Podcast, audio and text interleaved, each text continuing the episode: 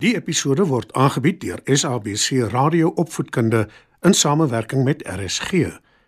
SABC Opvoedkunde, Enriching Minds, Enriching Lives. Opskud. Skryf nader en kom luister en leer saam.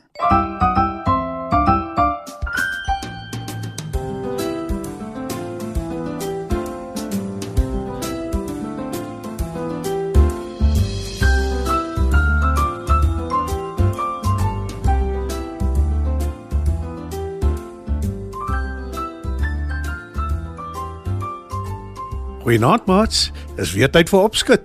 Vanaand se storie is Die vier musikante. Skuif gerus nader en luister saam.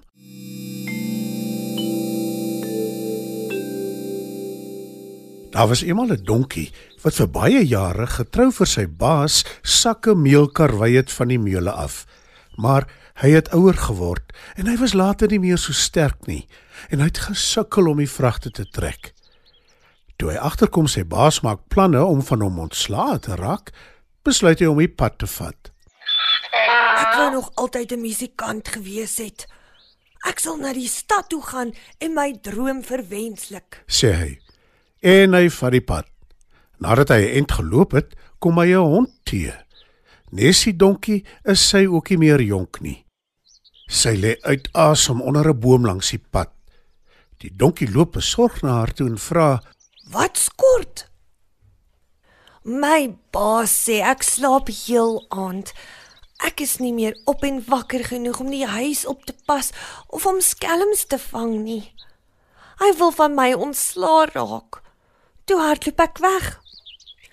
Wat van my gaan word, weet ek nie. Antwoord die hond. Kom saam met my. Ek is van plan om 'n musikant te word in die stad. Ek gaan nie luit speel, sê die donkie. Die hond kyk verbaas na hom en hy verduidelik dat die luit 'n snaarinstrument is. Toe stel hy voor: "Jy kan nie trom bespeel." Die hond is nou baie opgewonde en stem in. Die twee van hulle stap toe saam verder op pad stad toe. Na ruk loop hulle 'n kat raak. Sy sit daar seer in die middel van die pad en kyk skaars op toe hulle haar groet. "Wat skort?" wil die donkie weet. Toe verduidelik sy: Ek is te oud en my tande is te stomp om meer muise te vang. My baas het my weggejaag en gesê ek is niks werd nie. Ek het geen heenkome nie. Kom saam met ons stad toe. Ons gaan musikante word. Jy kan die fluit bespeel, sê die donkie. Regtig? Dit sal wonderlik wees. Ek gaan graag saam met julle.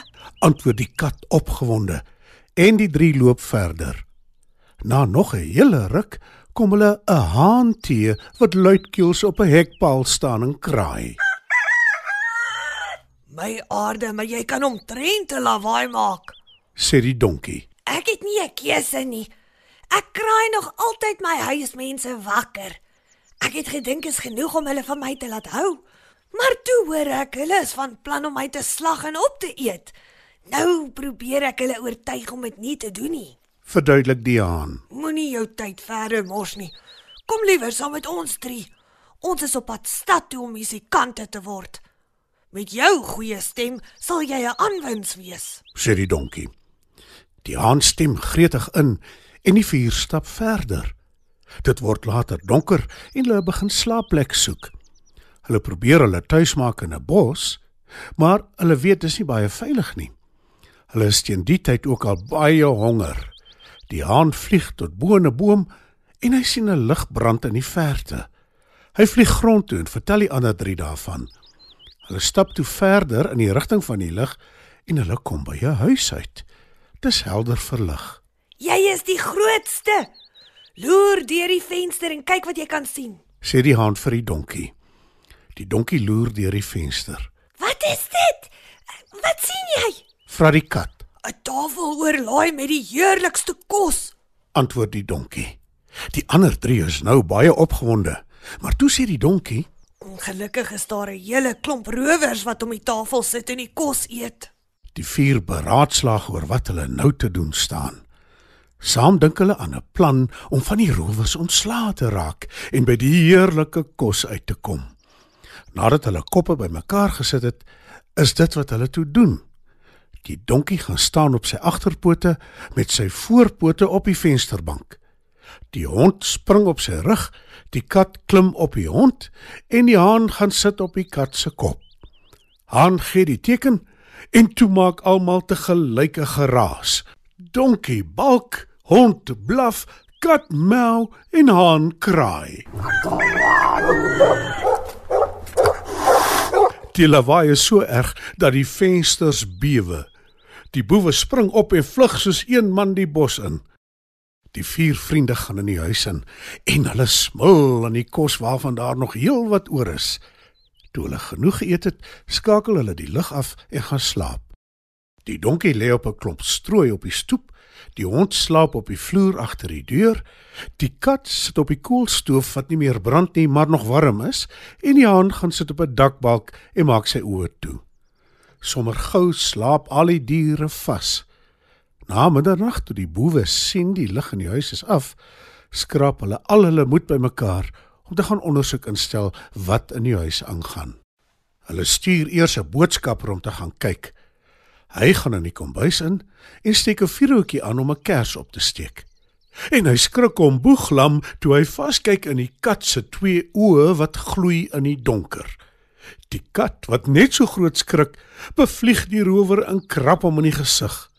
Hy hardloop deur toe, maar die hond, wat ook intussen wakker geword het, spring op en byt hom aan die been. Hy draf uit tot op die stoep waar hy die donkie teekom wat hom 'n harde skop gee met sy agterpoot.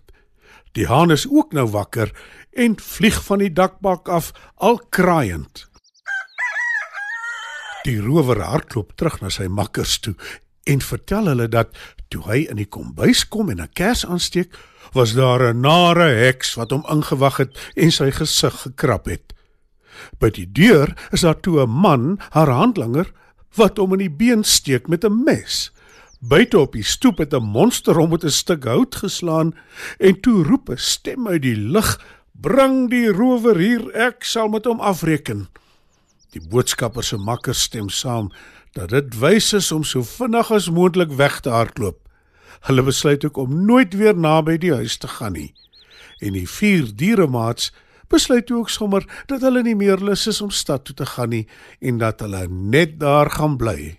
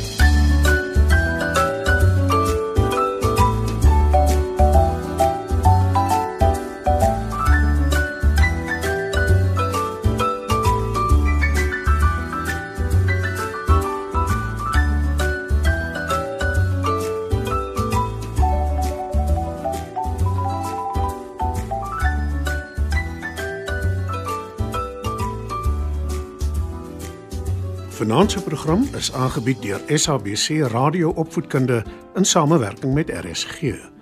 SABC Opvoedkunde, Enriching Minds, enriching lives.